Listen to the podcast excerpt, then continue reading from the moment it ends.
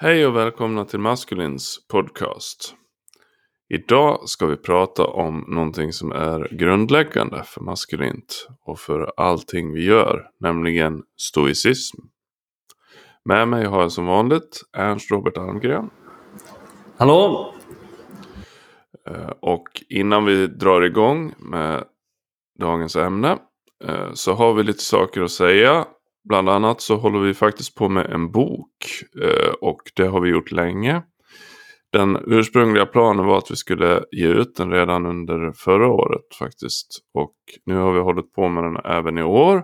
Och den är fortfarande inte klar. Eh, vad kan du säga om det?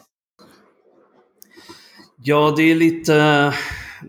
Det har ju varit ett turbulent år, inte bara för oss men för alla. Och... Um det har gjort att vissa planer och sånt som vi hade har tvingats eh, skjutas på tiden.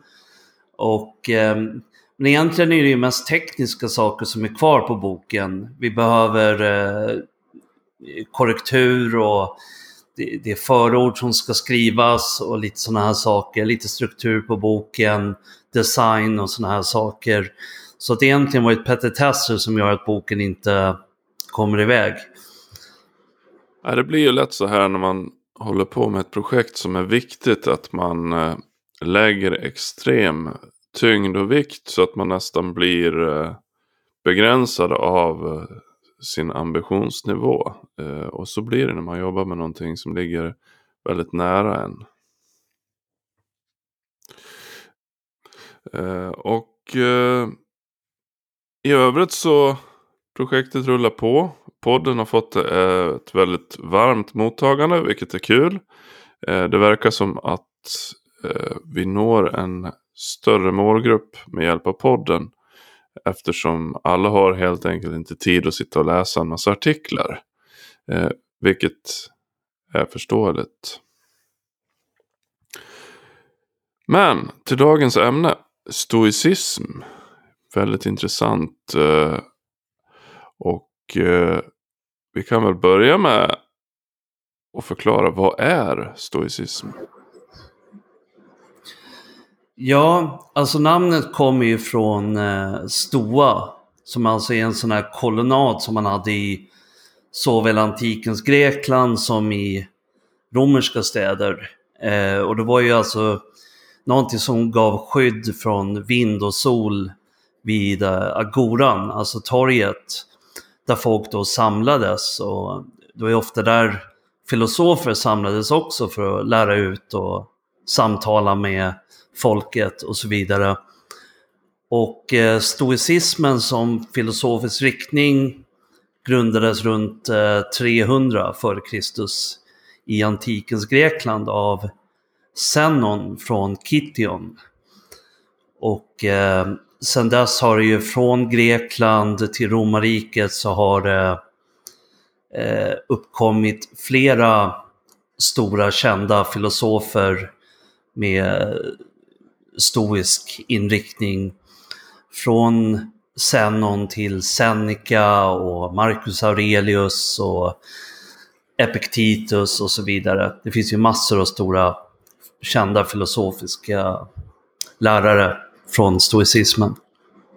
Det är intressant tycker jag att det faktiskt har funnits en skola eh, på det här sättet. En filosofisk riktning, skola som har utövats. Eh, om man jämför med idag eh, och tänka sig en stoisk skola idag. Det känns väldigt exotiskt, eller vad man ska säga. Ja, det är häftigt alltså. Det har ju uppkommit några filosofiska skolor i modern tid som försöker efterlikna de här filosofiska skolorna, bland annat i England. Men det har mer varit eh, från Epicurus och andra filosofer man har grundat det på. Jag vet Alain de Benoit, nej vad säger jag, Alain de Botton har eh, grundat en liknande skola i England. Men eh, det skulle man ju gärna se i Sverige och gärna med stoicismen som grund. Ja, vi, vårt bidrag är ju vår eh, webbplats maskulint.se och eh, där den här podcasten är en del. Eh, det är ju ingen skola men det är i alla fall en samling av sätt att tänka helt enkelt. Och vi kan väl gå in på den frågan egentligen. Varför stoicism? Varför är det kopplat till en sida för män? Ja, jag skulle kunna bara tillägga där att man kan ju säga att vår hemsida är en stoa för män att samlas kring. Eh, fast online. Eh, ja, vi kan ju börja med hur du kom i kontakt med stoicismen. Du har ju faktiskt en bakgrund eh, att du är akademiskt bildad i filosofi. Så hur kom du i kontakt med stoicismen och vad har den betytt för dig? Stoicism är faktiskt, det lades inte speciellt mycket tid i min utbildning på det. Utan jag har haft ett eh, filosofiskt intresse sedan jag var ganska så liten. Och eh, mitt sätt att förhålla mig till världen gjorde att folk började kalla mig stoisk. Och eh, Eh, det finns ju även en riktning som heter eh, cynismen som inte är ett skällsord utan det är en gammal filosofisk riktning också. Eh, som är besläktad med stoicismen. Jag ska inte nörda ner mig i detaljerna. Men stoicismen har funnits i mitt bakhuvud ganska länge. Och Eh, det var väl när livet började bli tufft som eh, jag fick den verkliga nyttan av det här. Och det är också därför stoicismen är bra. Och det är därför vi rekommenderar stoicism till män också. Eh, den största praktiska nyttan personligen fick jag faktiskt under den tiden då jag genomgick skilsmässa. Eftersom det var väldigt viktigt för mig att jag hade kontroll över mina känslor och framförallt över mina, mina reaktioner som kunde följa av de här känslorna. Eh, en av de stoiska tankar som vägledde mig var hela tiden när du ser tillbaka på dig själv om fem år, vad vill du se? Eh, det var en, en tanke som jag använde under tiden jag skilde mig för att jag helt enkelt inte skulle bete mig som ett litet barn. Eh, utan eh, med värdighet i varje stund. Framförallt när vi har gemensamma barn. Eh, det är inte så stor vinning att, att vara i fejd med deras mor. För jag, oavsett vad jag tycker om det kommer jag att ha en relation till henne resten av mitt liv. På grund av barnen. Så den tanken vägledde mig. Och i mångt och mycket när jag står inför en situation som är jobbig. Då. det kan vara på vardagsnivå att man har låst in bilnycklarna. Eller det kan vara att man halkar omkull när man går och ska äta lunch. Eh, eller det kan vara någon eh, oförutsedd utgift eller vad som helst. Eh, så kan jag ständigt använda det stoiska. Jag kan ställa mig frågan. Vad gör jag nu? Vad är rimligt att göra? Ska jag skrika rakt ut och förbanna världen? Eller ska jag helt enkelt tänka vad kan jag göra? Och agera med det som är möjligt. Och då är ju då det sistnämnda. Här ska jag då tillägga också att eh, stoicismen som sådan är ju det här mindsetet. Men tack vare att jag också har hållit på med meditation i, i många år. Eh, så blir det lättare att se vad man är på väg att göra. För stoicismen som, som sån eh, tar ju lite för given också att, att du är medveten om dina handlingar. Ofta är ju problemet att man drar iväg känslomässigt utan att, att veta om det. Och sen först efteråt så tänker man shit, det där var ju onödigt. Eh, men eh, om man, om man eh, praktiserar meditation så kan man få den här övervakande funktionen som ser i sitt huvud att hallå där, nu är du på väg att slå sönder den här bilen med en stor jävla slägga. Är det rimligt att göra det? Nej, det kanske det inte är, tänker man då. Ja, så det skulle jag säga rent praktiskt för mig, stoicismen. Eh, vad skulle du säga? Ja, det är ju samma för mig. Alltså, jag har haft ett långt intresse av filosofi och religion. jag studerade ju religionshistoria vid Stockholms universitet och eh, eh började då intressera mig för buddhismen. Och eh, jag började själv eh, praktisera eh, buddhism i eh, diamantvägsbuddhismen, eh, som den heter. Och eh, sen började jag även studera zen-buddhism och kom i kontakt med eh, lite karaktärer on the fringes av buddhismen som Eckart Tolle och liknande. Och jag såg ett mönster där många återkom till stoiska tänkare och gjorde jämförelser mellan buddhismen och stoicismen.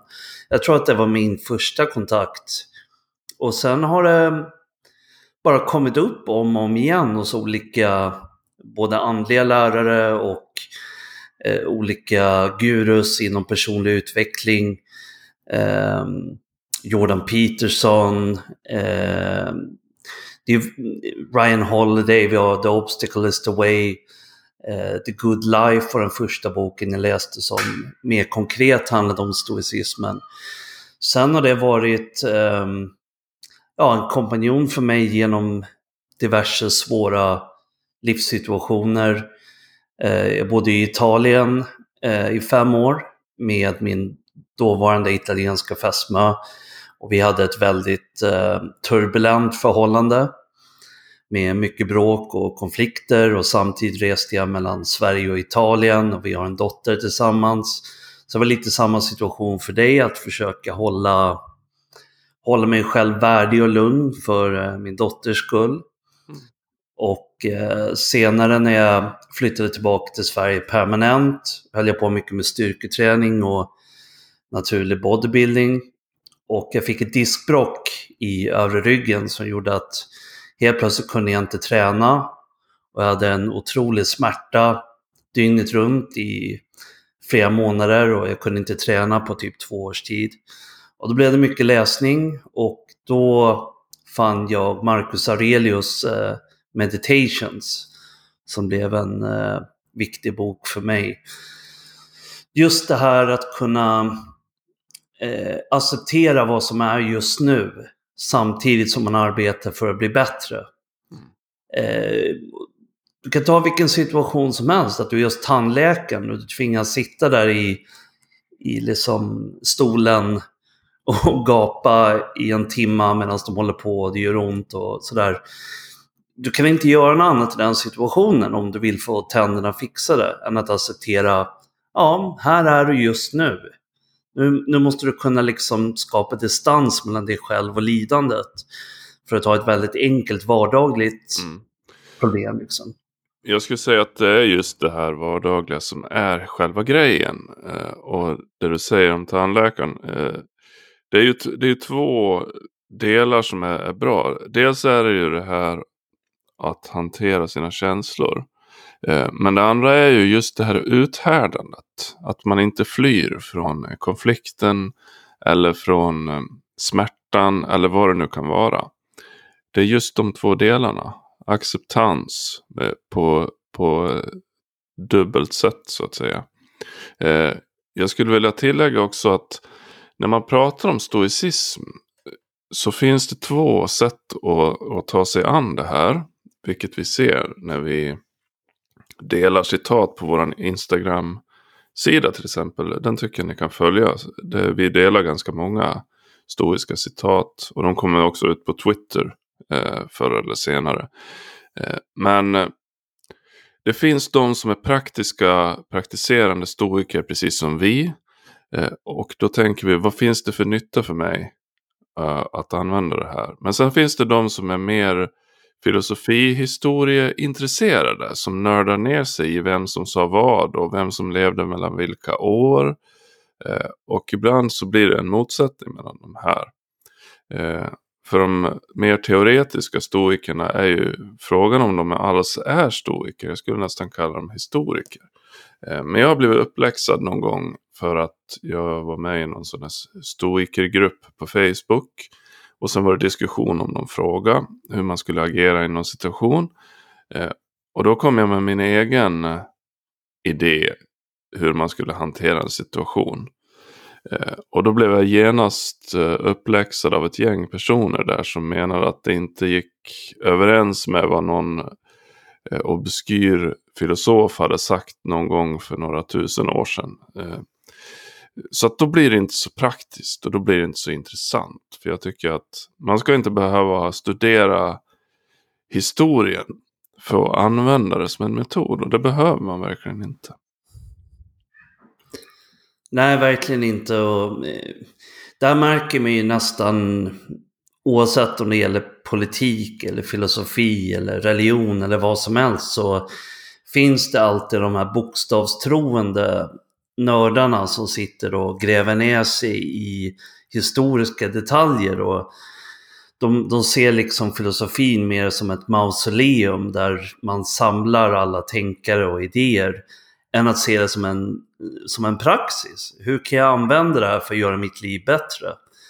Och det är därför vi också alltid sagt att det röda pillret som vi haft en podd om tidigare är också en praxiologi. Det är någonting vi använder för att kunna förbättra oss här och nu. Eh, och skulle det vara att vi finner, ja men så här kan man hantera den här situationen och det hänger ihop med stoicismen. Men eh, Seneca den yngre år 628 eller vad det är, han gjorde inte så. Nej okej, okay, men han levde inte i Sverige år 2020. Eh, så det är liksom, man måste också kunna kontextualisera saker och se dem från vår tid och vår plats och liksom pröva sig fram vad som faktiskt funkar. Ja, det är väl det att, att människor har en, en tendens att uh, göra saker till dogm på något sätt. Att, att det ska vara på ett visst sätt i alla tänkbara sammanhang. Istället för att hantera de utmaningar som möter oss varje dag. Just det. Eh, vad, vad, skulle du säga, varför är stoicism särskilt viktigt för män? Det är ganska intressant att stoicismen är så tätt förenad med manlighet. Och det är inte bara vi som eh, är positiva till maskulinitet som ser ett samband mellan manlighet och att vara stoisk. Men även de som eh, vänder sig emot manlighet ser det sambandet. Och ett exempel på det är ju att eh, jag tror det var i början av förra året så hade American Psychology Association klassifierat toxisk maskulinitet som, en, som ett sjukdomstillstånd. Och då hade de ett gäng pelare då som de menade utgjorde den här toxiska maskuliniteten. Varav en av de här pelarna var stoicism. Eh, och då menar de att just att det är ju en feltolkning av stoicismen. De menar ju att, att vara stoisk är typ att vara en sociopat. Att du känner inga känslor du är oberörd av moraliska gränser och så liknande. Den här stenstoden av man eh, är det som är toxiskt. Men dels är det ju en feltolkning av maskulinitet enligt mig, men det är definitivt en feltolkning också av vad stoicism är. Mm. Det kan vi förtydliga att att vara stoisk betyder ju inte att man inte bryr sig om andra. Eller att man aldrig känner känslor och när en närstående dör så då får man inte gråta för att nej, man ska minsann vara stoisk. Och det är ju inte vad det handlar om. Utan det är ju ett, det är ett förhållningssätt till världen. Att man är närvarande i smärtan men man agerar inte på negativa impulser. Som ta exemplet med eh, ens flickvän eh, är otrogen. Och, och det känns ju skit för vem som helst. Men då kanske impulsen är att ah, jag ska minsann läxa upp den jäveln som var otrogen med henne. Och, och det kan ju leda till alla möjliga dåliga situationer. Mm. Då är det stoiska inställningen att okej, okay, det här känns skit. Men jag behöver inte göra saken värre genom att agera på negativa impulser.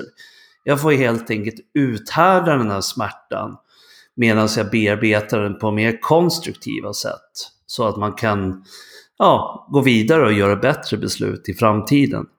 Exakt, det är ju det här som vi känner igen säkert de flesta av oss från när vi var barn. Eh, när man blev arg, räkna till tio, eh, brukade min mamma säga åt mig. Och det blev man ju ännu mer förbannad över. Men eh, det är ju en, en uh, stoicism i det, i det lilla. Liksom. Samma sak när man sitter på nätet och ser att någon skriver någonting dumt. Ifall man kastar sig in där och häver ur sig sin känslomässiga reaktion utan att först reflektera. Är det rimligt? Och för det första överhuvudtaget svara. Och för det andra svara på ett hätskt och eh, känslomässigt vis. Är det rimligt? Det är stoiskt att bete sig på det sättet och vara återhållsam med sina reaktioner. För det är egentligen vad allting handlar om. Eh, det handlar inte om att döda sitt känsloliv eller, eller bli en mördarmaskin. Eh, det här är ju, det är inte bara, jag skulle inte ens kalla det missuppfattningar utan det är, det är vantolkningar. Folk vet att det inte är så. Eh, men de väljer ändå att demonisera det. Skulle jag säga. Just det.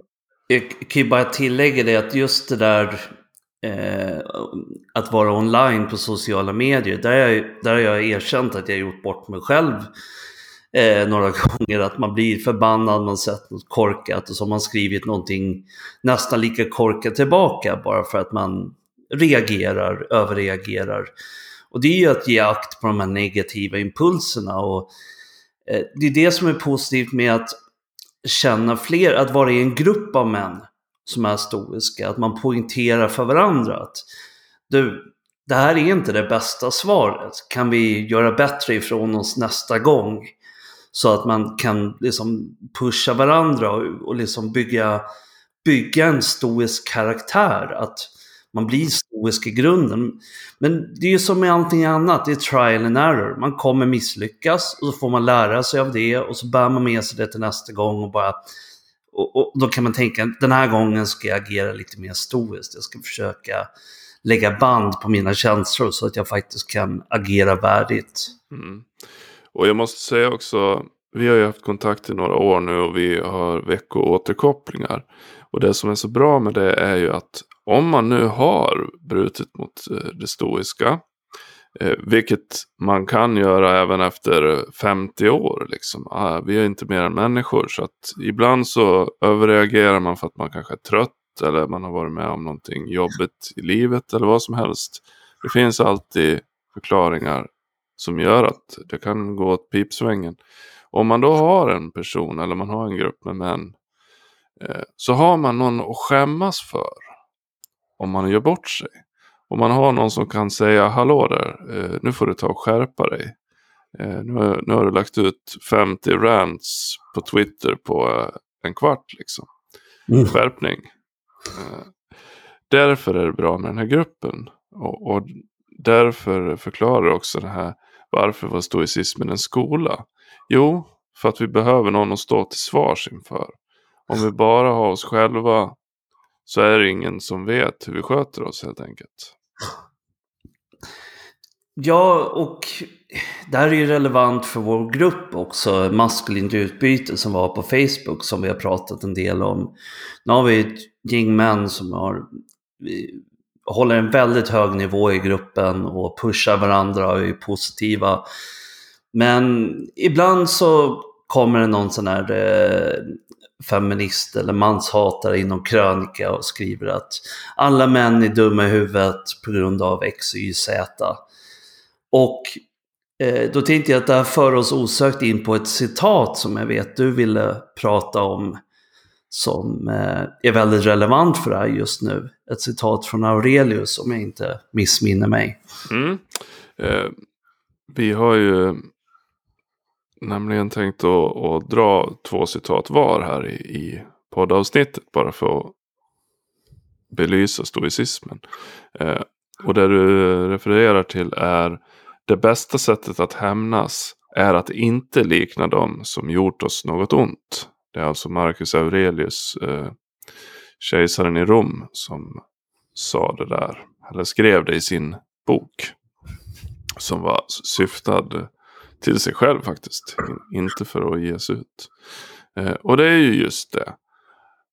Eh, man ska inte bete sig som sina motståndare. Helt enkelt. Ja, det var ju därför vi också eh, för ett år sedan tror jag var vi bestämde oss för att vi ska inte gå i clinch med eh, belackare som eh, spyr galla. Därför att det enda man åstadkommer då är att man, ja, man sänker sig till deras nivå. Och eh, det kommer ingenting konstruktivt ur det. Det är, det är som två barn. Det ena barnet säger du är dum och det andra barnet säger du är ännu dummare. Och, och resultatet blir att båda barnen verkar ganska dumma. Liksom. Eh, så det bästa är, och jag säger inte att jag är perfekt. Jag misslyckas med det här eh, emellanåt lite mer än vad jag skulle vilja. Men på, i det långa loppet så mår man bättre själv och det reflekteras bättre på en själv att inte ge sig in i den här pajkastningen och smutskastningen. Fokusera på sina egna fel istället och ja. ja försöka bli bättre helt enkelt. Det bästa är ju faktiskt också att man får den här belöningen i form av eh, att den här motståndaren som försöker lägga ut bete för att du ska bli arg eh, inte får som den vill att man inte bjuder på den.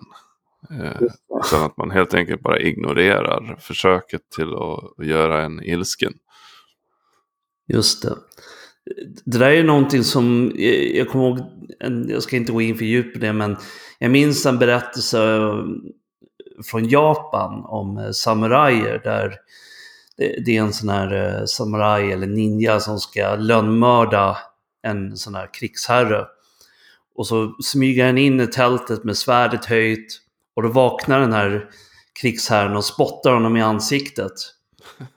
Och, och han bara avbryter lönnmordet och springer därifrån i vredesmod. Och, eh, anledningen till det var ju att det, det inte är samurajens kod att eh, begå mord i, i ilska. Utan det är ett professionellt jobb och de gör inte det i vredesmod. Och där är också någonting vi kan se en liknelse i det stoiska tänkandet. Mm. Ja, eh, det är ju så att stoicismen är ju inte bara renodlad som stoicism. Utan vi ser ju lite små korn av stoicism i många olika sammanhang.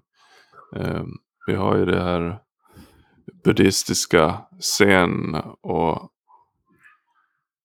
det är inte ens att de kanske har blivit inspirerade av varandra. Utan det, det är någon form av universella manliga förhållningssätt till världen. Skulle jag säga. Att ja. vi ser de här likheterna. De finns ju.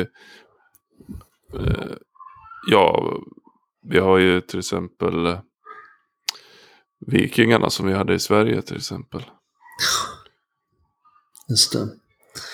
Ja, det finns ju där också eh, i den nordiska Eddan att man ska inte vara en skrävlare. Eh, man ska, om man kommer in i ett rum med främmande människor så ska du vara tyst och lyssna på vad andra säger innan du talar själv. Att du, eh, du behåller ditt lugn liksom tills du kunnat utvärdera situationen. Mm. Eh, och faktiskt även i kristendomen finns ju det här också. Det är ju ditt nästa citat. Mm. Eh, mitt nästa citat eh, är ju ganska känt. Eh, och det är ju vad Jesus sa när han satt på korset. Förlåt dem fader, för de vet inte vad de gör. Eh, det här har vi skrivit om i, i artiklar på hemsidan förut. Men det handlar om att acceptera världen som den är. Eh, och det anknyter lite till de här reaktionerna på nätet och sånt där. Världen är vad den är. Och hur mycket du än kan önsketänka att den inte skulle vara på det viset. Så är den så. Du kan inte göra någonting åt det om du inte eh, rent aktivt sätter igång och förändrar den. Men just i denna stund så är den vad den är och det enda du kan göra är att acceptera den. Sen kan det vara helt oförenligt med dina värderingar. Eh, men det minst konstruktiva är att gå runt och vara bitter och, och önska att tänk om det inte var så här. Eller åh, tänk när jag var ung var allting var mycket bättre då. Ja, det kanske det var, men eh, vad har du för nytta av det? Är frågan du ska ställa dig. Och det tycker jag finns i det här citatet. En, en sak till som jag ser i det här citatet som jag tycker är väldigt hjälpsamt. Eh, Förlåt dem fader för de vet inte vad de gör. Det citatet insinuerar är att människor agerar inte alltid av illvilja. Utan är väldigt ofta av att de helt enkelt inte vet bättre. Mm.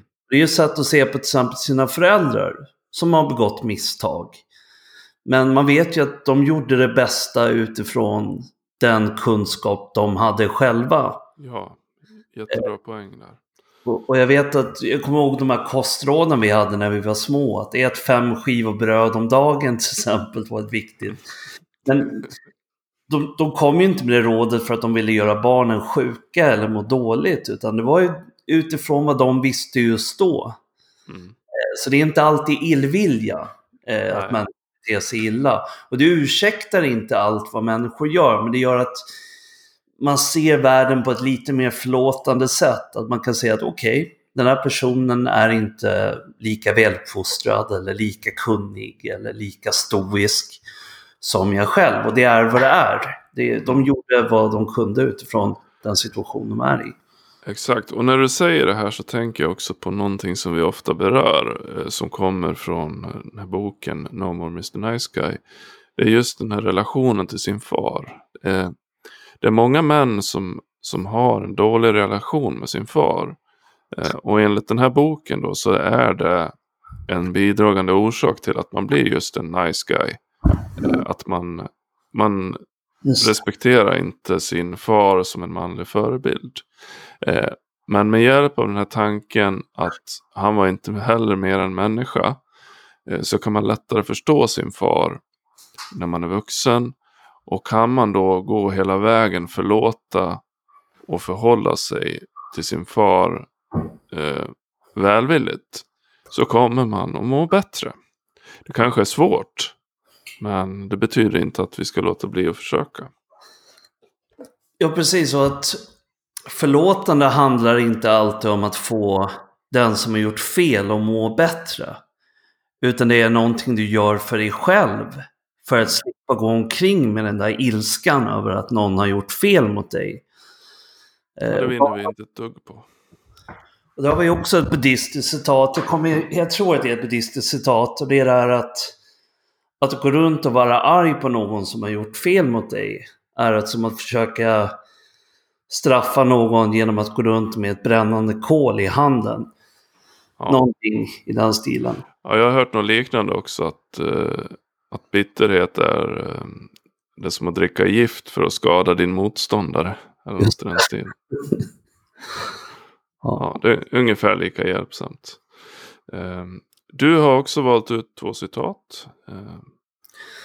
Ja, eh, och det första citatet jag valt är från Lucius Seneca. Och det lyder Jag önskar inte en lättare börda, men bredare axlar. Och för mig som har haft styrketräning som eh, ett ankare i mitt liv, som har varit en av de viktigaste eh, sakerna jag gör, både för min kropp och för min mentala hälsa, så är det här citatet väldigt kärt. Och det är att Eh, istället för att önska att allting vore lättare i livet så ska man fokusera på att bli bättre själv. För att kunna hantera motgångarna bättre. Och det är mycket mer hjälpsam attityd för att eh, vi kan inte kontrollera alltid vad som kommer i, i vår väg. Det vi kan kontrollera är hur vi utvecklar oss själva, vår karaktär, vår styrka, vår kapacitet att lära oss saker. Eh, det är helt enkelt en mer konstruktiv väg att leva eh, och ett bättre sätt att förhålla sig till, till världen och till sina ja. problem. Det anknyter ju också till det här att man inte ska fly från sina prövningar. Eh, för att ser man det på det sättet så kommer all börda att vara en tillgång. Alla motgångar kommer att utveckla dig.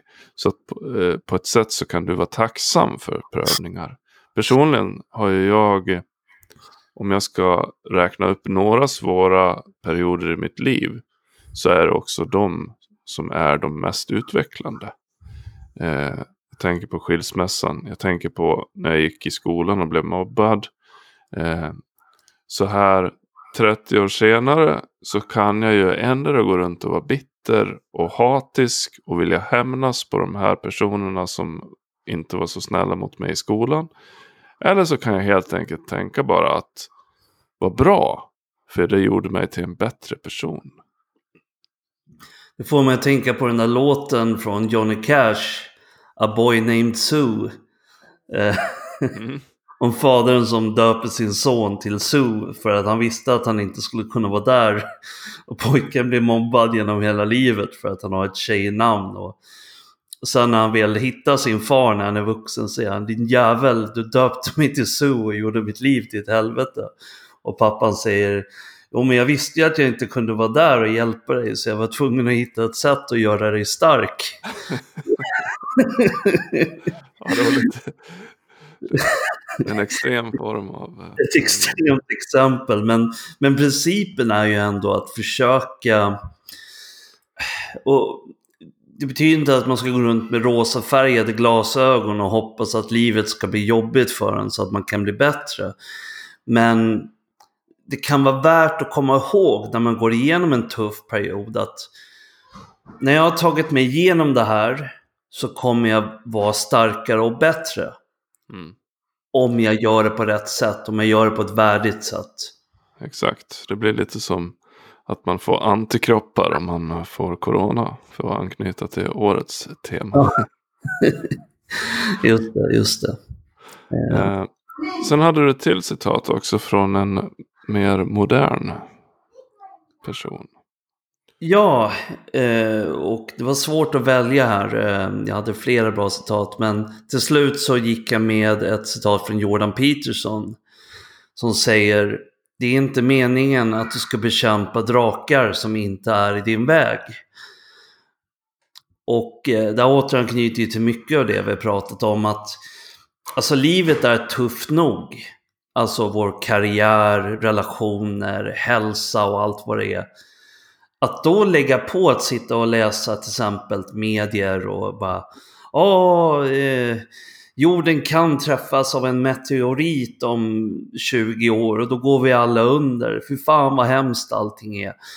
Eh, alltså folk har ju en tendens att gotta sig i negativa nyheter och liksom och det är förståeligt, det är en form av prokrastinering. Det är att man fokuserar på skit man ändå inte kan göra någonting åt så att man slipper fokusera på saker som man kan göra för att bli bättre, som man faktiskt kan göra någonting åt.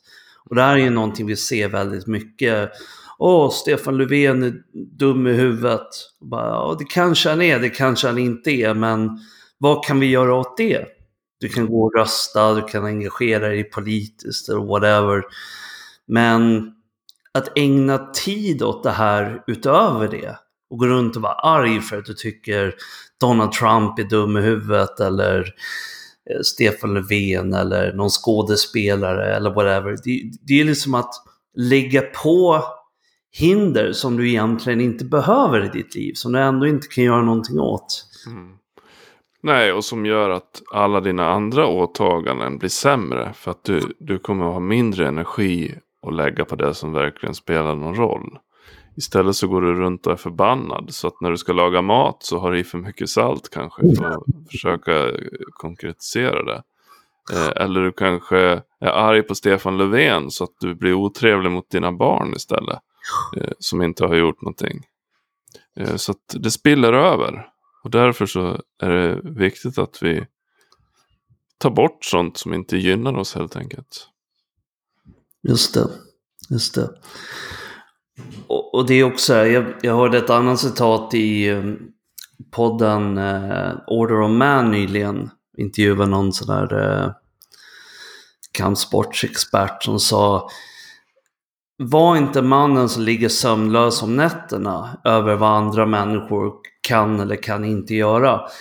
Utan var den typ av man som håller andra män vaken om natten, eh, rädda för vad du kan göra. Mm. Det vill säga fokusera på att göra dig själv starkare. Och där ser vi ju inte minst inom manosfären att många män lägger alldeles för mycket tid på att tänka på och gnälla över feminister och manshatare och eh, PK-samhället och så vidare. Att ja, det finns så mycket skit i samhället. Bara, ja, men och där är ju någonting som Jack Donovan trycker mycket på som vi också pratar om. Vad kan du skapa som gör att andra reagerar? Och det, det här är någonting jag är väldigt stolt över med Maskulin som vi har gjort. Det att eh, vi har reagerat betydligt mindre på vad andra gör än vad andra har reagerat på oss. Mm. Och det är där man vill vara. Det är då man är en game changer. Det är då man sätter trender. När alla andra reagerar på vad du själv gör än att du sitter och går runt och reagerar på alla andra. Precis, och, och det man gör också om man sitter och, och, väntar på att vi ska byta regering eller något sånt här. Då gör du ju dig helt beroende av externa faktorer istället för att, att bara skapa det livet du vill ha och se till att bli oberoende av, av de här sakerna runt dig. Var, vad ska du göra i fyra år medan Stefan Löfven sitter där då om du inte gillar han? Eh, ska du gå runt och gnälla eller vad ska du göra liksom? Eh, det är frågan. Just det. Och, och där eh, kommer jag att tänka på en annan väldigt stoisk person eh, som inte heller var stoiker. Eh, och det är ju Mahatma Gandhi. Mahatma Gandhi sa ju där, eh, be the change you wanna see in the world. Just det, ja. Eh, så här ser vi återigen hur stoicismen vävs in i massor av olika historiska figurer eh, och skeenden i, historien och hur värdefullt det är eh, att kunna ha det, den förhållningssättet till världen och sig själv. Mm. Eh, vad skulle vi säga då om stoicismen och jämföra med de här manliga dygderna som vi brukar nämna som kommer från, eh, från Donovan. Eh, vilka av de manliga dygderna kan man, eh, kan man koppla till stoicismen? Ja, vi kan ju börja med att säga eh, mod mm. är en väldigt viktig eh, dygd. Och mod missförstås ju ofta med att mod är samma sak som att inte vara rädd. Eh, men det är ju inte. Det är, det är inget modigt om du inte är rädd för någonting. Mod är ju att du är rädd för något och du gör det ändå. Ja, mod är att trotsa sin rädsla. Och sen kan ju den nivån vara olika för olika personer. Men det är just att agera trots att eh, det tar emot så att säga. Och det kan du ju bara göra om du skapar det där eh, som Viktor Frankl sa, ytterligare en stoisk person. Han sa att mellan stimulans och respons finns det ett utrymme. Och det är i det utrymmet som du hittar kraften att förändra din respons det enda du kan välja. Mm. Och om vi ska ta fler, jag, jag, tycker egentligen på ett sätt och vis är alla de manliga, fyra manliga dygderna stoiska mästerskap. Det handlar ju också om vad, vad du kan göra själv. Hur kan du bli bättre? Styrka, samma sak. Eh, möjligtvis är det ära som är tveksamt om det är en stoisk dygd. Men om du ser det utifrån att ära dig själv och inte, inte vad andra tycker om dig utan vad du tycker om dig själv. Så kan man se ära som en stor stygd. Att även om andra skiter i dina principer så är de principerna viktiga för dig och du finner en ära i att upprätthålla dem. Mm. Eh, vi skulle också tipsa de som lyssnar om de vill veta mer om stoicism var ska vi skicka dem då? Eller vilka böcker ska de läsa då? Just det, då kan man ju börja med den viktigaste boken jag tycker är ju Marcus Aurelius Meditations. Mm. Den som jag får ut mest av själv, av, som är skriven av en stoiker. Och eh, jag tycker Marcus Aurelius är intressant just för att han var möjligtvis den mäktigaste mannen i världen när han levde. Han var kejsare av Rom. Mm. Eh, och han hade otroligt mycket lyx omkring sig, han hade otroligt mycket makt. Och ändå så hade han det här stoiska synsättet att han, han försökte att leva enkelt, han försökte att inte göra livet för bekvämt, för han ville inte bli svag. Han ville inte bli mentalt svag eller fysiskt svag. Och eh, eh, så på många sätt kan vi relatera till honom just för att han var eh, han hade det väldigt lätt. Men vi, vi lever ju i mycket välfärd nu och väldigt mycket möjligheter och friheter. Och då kan det vara svårt att tänka som vissa stoiker att kämpa igenom svårigheter och det hårda livet och så vidare. Men eh, jag tycker det finns mycket inspiration där. Plus att han, som du nämnde i inledningen, det här var ju hans dagbok. Det var ju inte skrivet som en självhjälpsbok för andra utan det här var hans egna meditationer över livet och vad han hade lärt sig. Mm. Eh, vi har ju den här eh, Seneca som jag också skulle säga att är en intressant eh, citatmakare eller vad vi ska säga.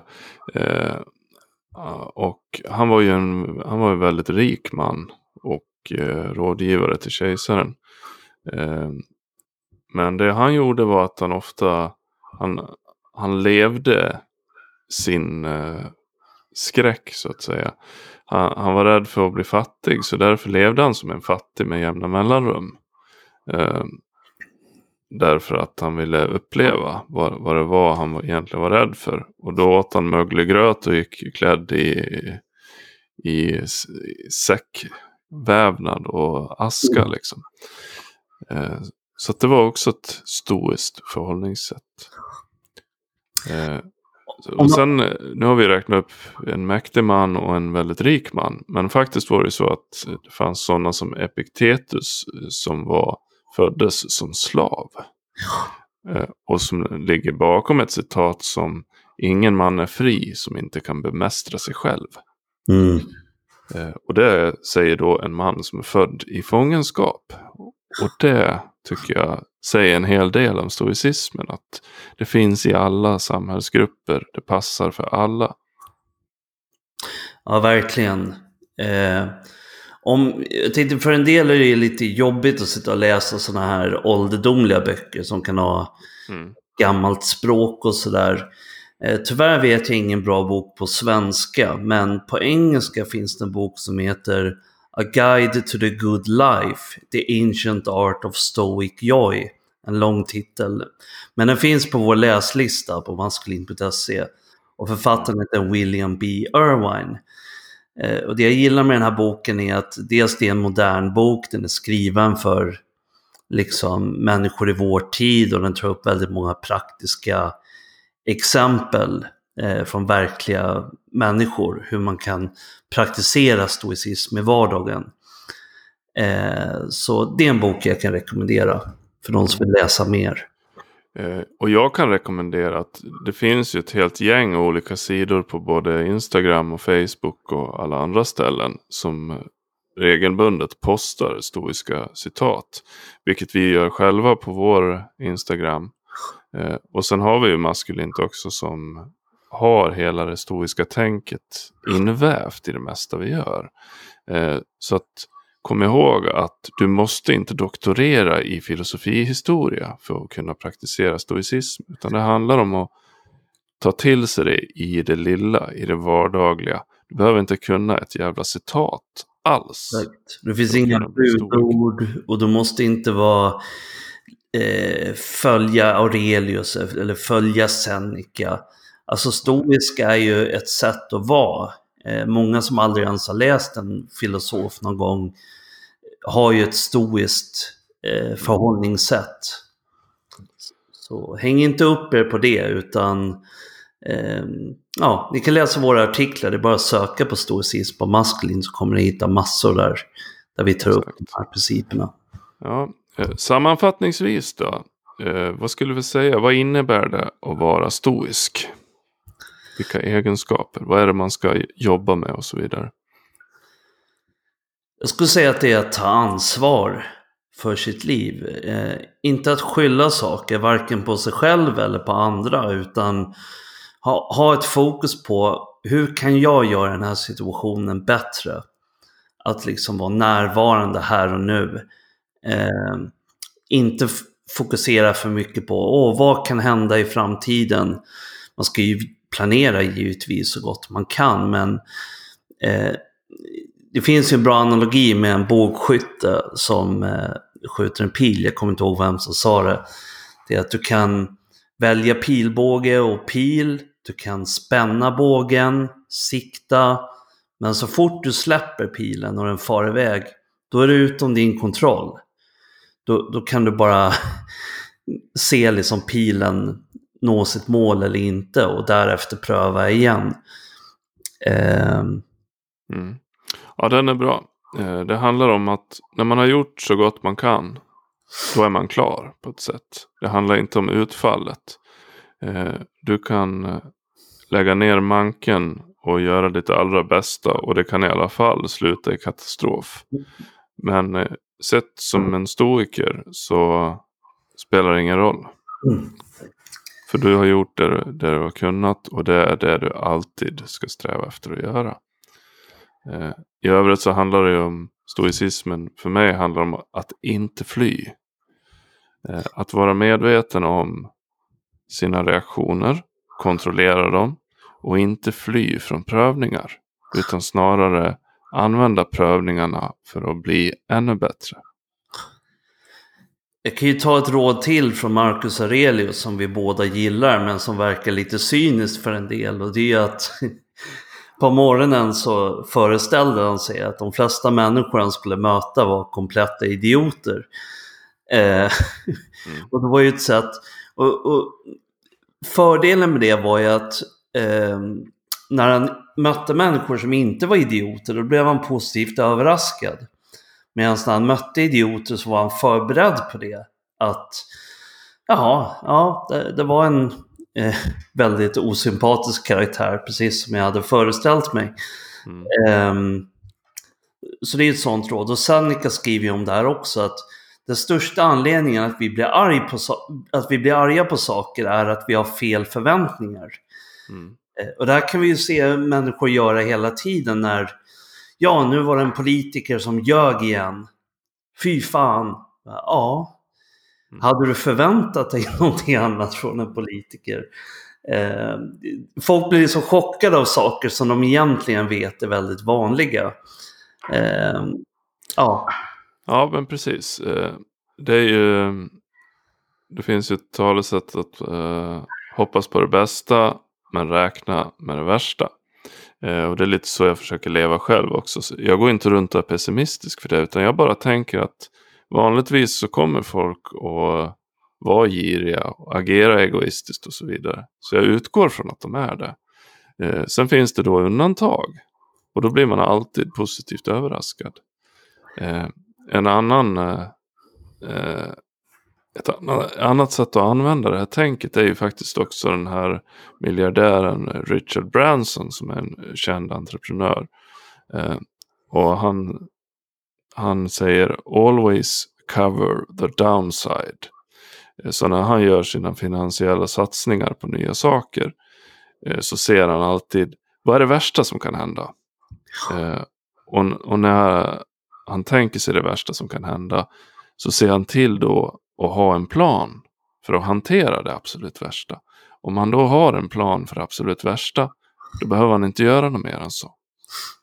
Just det, det, det är ju det som kallas negativ visualisering mm. inom stoicismen. Och jag, inte, jag tror att det var Seneca som sa det här att om ditt, din son är väldigt besvärlig och jobbig, föreställ dig att han skulle dö nästa dag av en olycka.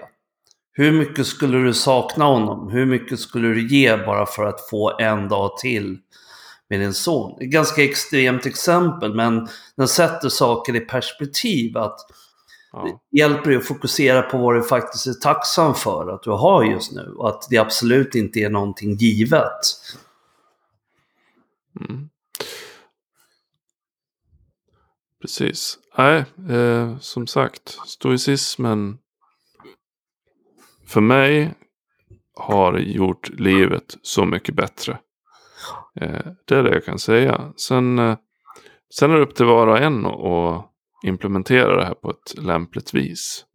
Eh, men jag kan definitivt rekommendera det. Det hjälper dig definitivt att bli en bättre man. Och det är ju det som är relevant för oss som driver maskulint. Att hjälpa män att implementera det här för att det är en så grundläggande sak du kan göra för att bli bättre och, och mer behärskad och lugn.